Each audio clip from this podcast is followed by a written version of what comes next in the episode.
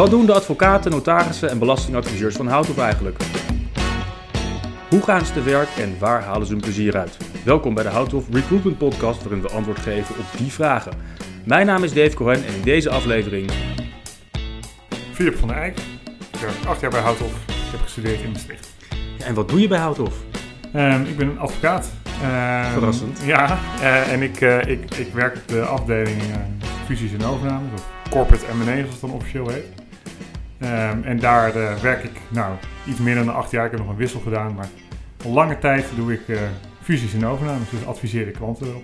Ja, nou, en we gaan zo'n uh, zaak eruit halen om te bespreken. Welke zaak is dat? En dat is Project Leopard. dat klinkt meteen heel geheimzinnig, Project Leopard. Ja, dat is ook de bedoeling dat het geheimzinnig klinkt. Het is um, uh, de verkoop door Michel Peridon van zijn bedrijf Trust.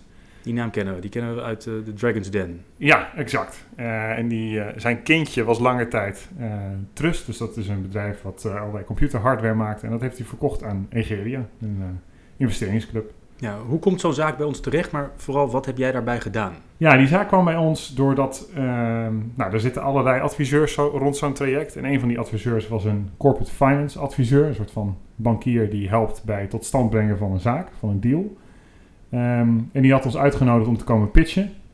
Uh, hè, dus om Houthof te verkopen aan Michel Pedon als adviseur. Ja, dan laat je zien wie hebben we in huis, wat hebben we gedaan, waar zijn we goed in. En uh, zeker, dus dan uh, laat je zien wat we allemaal als relevante zaken hebben gedaan. Waar je kan laten zien dat dit echt het werk is waar we goed in zijn. En ook is heel belangrijk dat je gewoon een klik hebt met degene met wie je heel intensief gaat samenwerken die periode. Ja, het is zo persoonlijk? Ja, dat is wel is behoorlijk persoonlijk. Het verschilt ook een beetje van zaak tot zaak.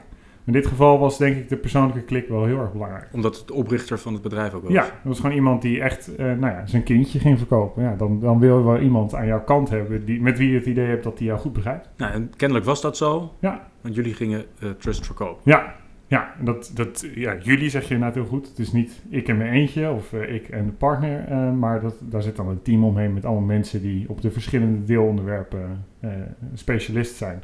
En die maken dan samen een team om ervoor te zorgen dat we het juiste advies kunnen geven. Dat advies is groot en dan traject waarschijnlijk ook lang. Ja. Kun je in soort van grote stukken snijden hoe zo'n traject eruit ziet? Ja, nou in dit geval, uh, je hebt een soort voorbereidende fase waarin je nou, alles klaar gaat zetten om het bedrijf in de etalage te zetten, zeg maar. Um, dat is, uh, betekent dat wij een kort onderzoekje hebben gedaan van ja, wat is nu juridisch uh, de aandachtspunten voor een, voor een verkoop. Maar dan help je eigenlijk mee met een soort van de brochure maken op basis waarvan het bedrijf verkocht gaat worden. Ja, het is iets anders dan het kopen van een auto. Die hier, hier ja. gaan, is veel juridisch werk bij nodig. Ja. Hoe ziet dat er dan uit? Nou ja, de, dus een van de takken is dus het adviseren gewoon over hoe ziet het bedrijf eruit en wat zijn de juridische aandachtspunten uh, van het bedrijf. En net als als je een auto verkoopt, ja, wat zijn nou zaken? Heb je je APK op orde, ja of nee? Nou, dat soort vragen, natuurlijk ietsje complexer van aard, heb je ook uh, uh, bij bedrijven. wat zijn aandachtspunten om naar te kijken voor een, voor een mogelijke koper? Dus daar doen we dan een, een voorschot op. Dat, vaak doen die kopers zelf ook nog onderzoek. Dat vinden we zelfs heel belangrijk dat ze dat doen. Maar, maar je voert wel zelf, als je die uh, vergelijking aanhoudt, die APK uit. Wij, de advocaten van Houthof, gaan, en de notarissen belastingadviseurs denk ja. ik ook, die gaan zo'n bedrijf in om alles te weten te komen.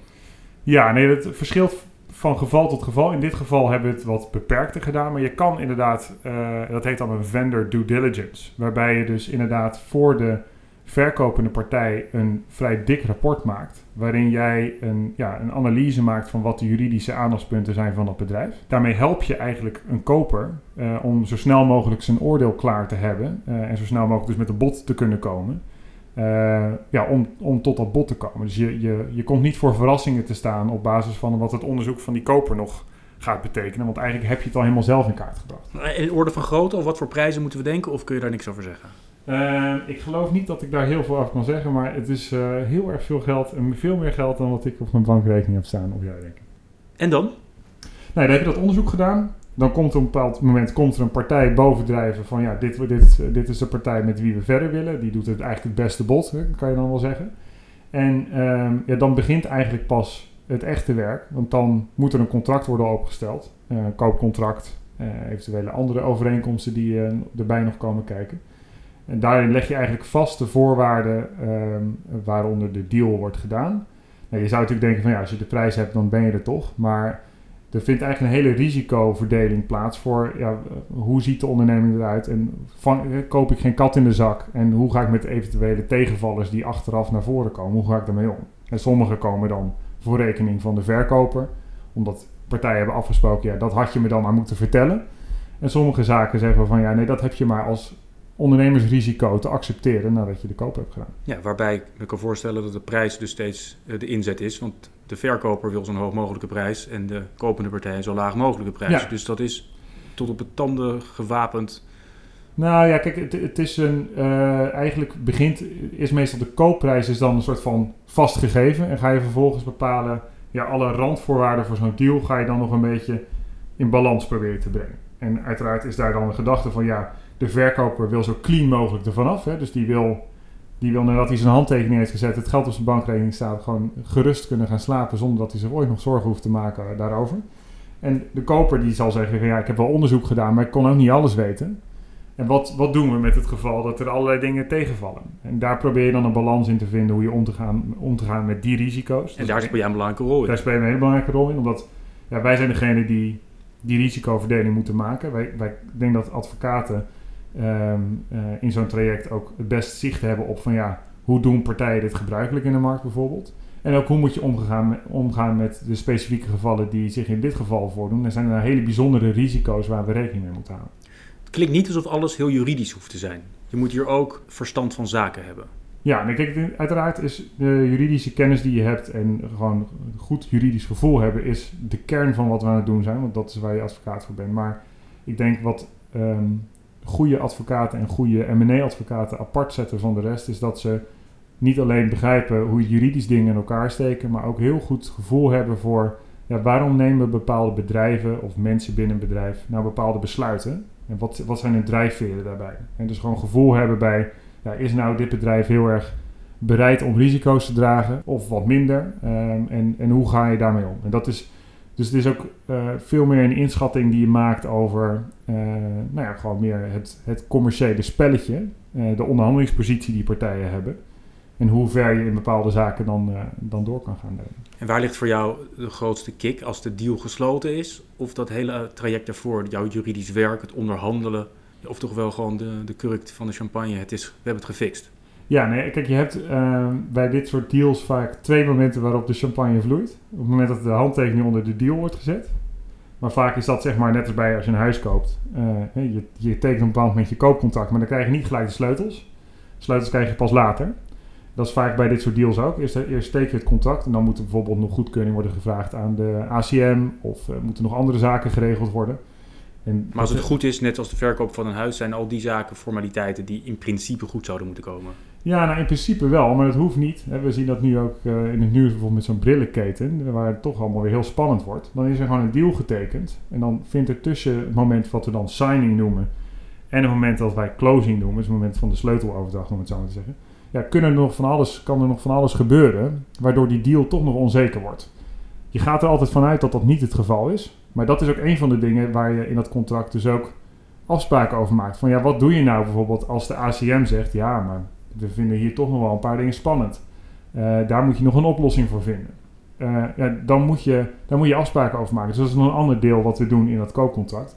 Maar goed, er, er vloeien dus twee momenten, op twee momenten in, in, in zo'n traject vloeien je champagne. Uh, tenzij je heel erg van champagne houdt, dan kan natuurlijk altijd meer. Maar, ja, of niet, dan, en dan drink je het niet. Precies. Maar wat is er leuker? Dat champagne moment, ongeacht welke van de twee, of die onderhandeling, dat, dat diep juridisch ja. werk, die adviesrol. Ik vind zelf het onderhandelingstraject, gewoon aan tafel zitten met een partij aan de andere kant. Dat is met COVID allemaal weer net iets minder, maar dat vind ik het allerleukst. Gewoon, je zit aan tafel, aan de andere kant van de tafel zit ook een advocaat met de cliënt. En je, je bediscussieert gewoon punten, je probeert te onderhandelen. En dat spelletje, dat is, uh, nou, als dat er weer is, uh, dan dat is waar ik echt van, nou, daar kik ik echt op. Dat vind ik het aller, allerleukste. En dat mondt uit in een, uh, in een signing, want anders doe je je werk niet goed. dus in die zin, ja, dat is het, kroon, het kroonstuk op je werk. Maar om heel eerlijk te zijn, ja, gewoon dat onderhandelingstraject bij elkaar aan tafel zitten en tot diep in de nacht een beetje soebatten, dat vind ik gewoon, dat is waar ik het voor doe.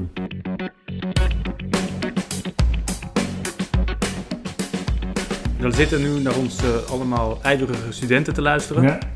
Wat heb jij als student advies gekregen waarvan je denkt, nou daar kunnen deze mensen wel van profiteren? Nou, ik, ik, ik zelf, om heel erg te bekennen, had heel lang het idee, ik wil me niet naar die Zuidas. Het zijn allemaal balletjes en dat uh, wil ik helemaal niet. Lekker dan. Uh, totdat bij mij het kwartje viel. Uh, en ik erachter kwam dat ik eigenlijk dat uh, zeg maar die bedrijven en dat bedrijfseconomische en, en ja, dat, de, dat hele wereldje, dat me eigenlijk toch wel heel erg aansprak. Omdat het gewoon een hele leuke, interessante dynamiek geeft. Dus mijn tip eigenlijk zou zijn is, probeer natuurlijk de allerbeste jurist te worden die je kan zijn. Um, ik denk dat dat het streven is van heel veel uh, mensen die recht studeren ook. Wat het bijzonder maakt, of wat je, waardoor je meer lol beleeft aan je werk als je later naar de Zuidas gaat, is als je uh, een goed begrip hebt van ja, wat doen bedrijven nou? En waarom doen bedrijven dingen die ze aan het doen zijn? Hè? Waarom, koopt, waarom koopt Facebook Instagram? Of waarom hebben we investeringsbedrijven in Nederland die, die ondernemingen kopen? Ja, waarom, waarom gebeurt dat nou? Als je daar een beetje gevoel bij krijgt en daar wat van meekrijgt, dan... En hoe krijg je daar gevoel bij? Wat moet je daarvoor doen? Nou, dat kan heel verschillend zijn. Kijk, sommige mensen die uh, uh, zijn ambitieus genoeg om bijvoorbeeld een dubbele studie te doen. Dus ze gaan bedrijfseconomie nastuderen. Nou, dat is een stevig advies, een dubbele studie doen. Ja, nee, dat, dat en kan is zeker. er een light versie? Nou ja, light versie is ook. Je kan natuurlijk je op allerlei manieren verdiepen in het onderwerp. Je kan eens een keer goed artikelen in het Financiële Dagblad lezen of een keer een paar podcasts van, van allerlei soorten podcastfabrikanten gaan luisteren. Freakonomics of Planet Money of zo. Dat zijn dan van die Amerikaanse podcasts die wel heel erg interessant zijn. er zijn natuurlijk allerlei dingen die je kan doen om je juist in het bedrijfseconomische deel van het werk wat we doen te verdiepen. Want uiteindelijk denk ik dat wat Houthof doet, is een onderdeel adviseren bij iets wat natuurlijk helemaal niet juridisch is. Um, maar als je dan niet dat bedrijfseconomische snapt, daar een beetje gevoel voor hebt, ja, dan is je werk gewoon een stuk minder interessant, denk ik. Tot zover de How to Recruitment podcast. Dank Philip. Kijk voor meer informatie op houtof.com slash carrière. Dank voor het luisteren.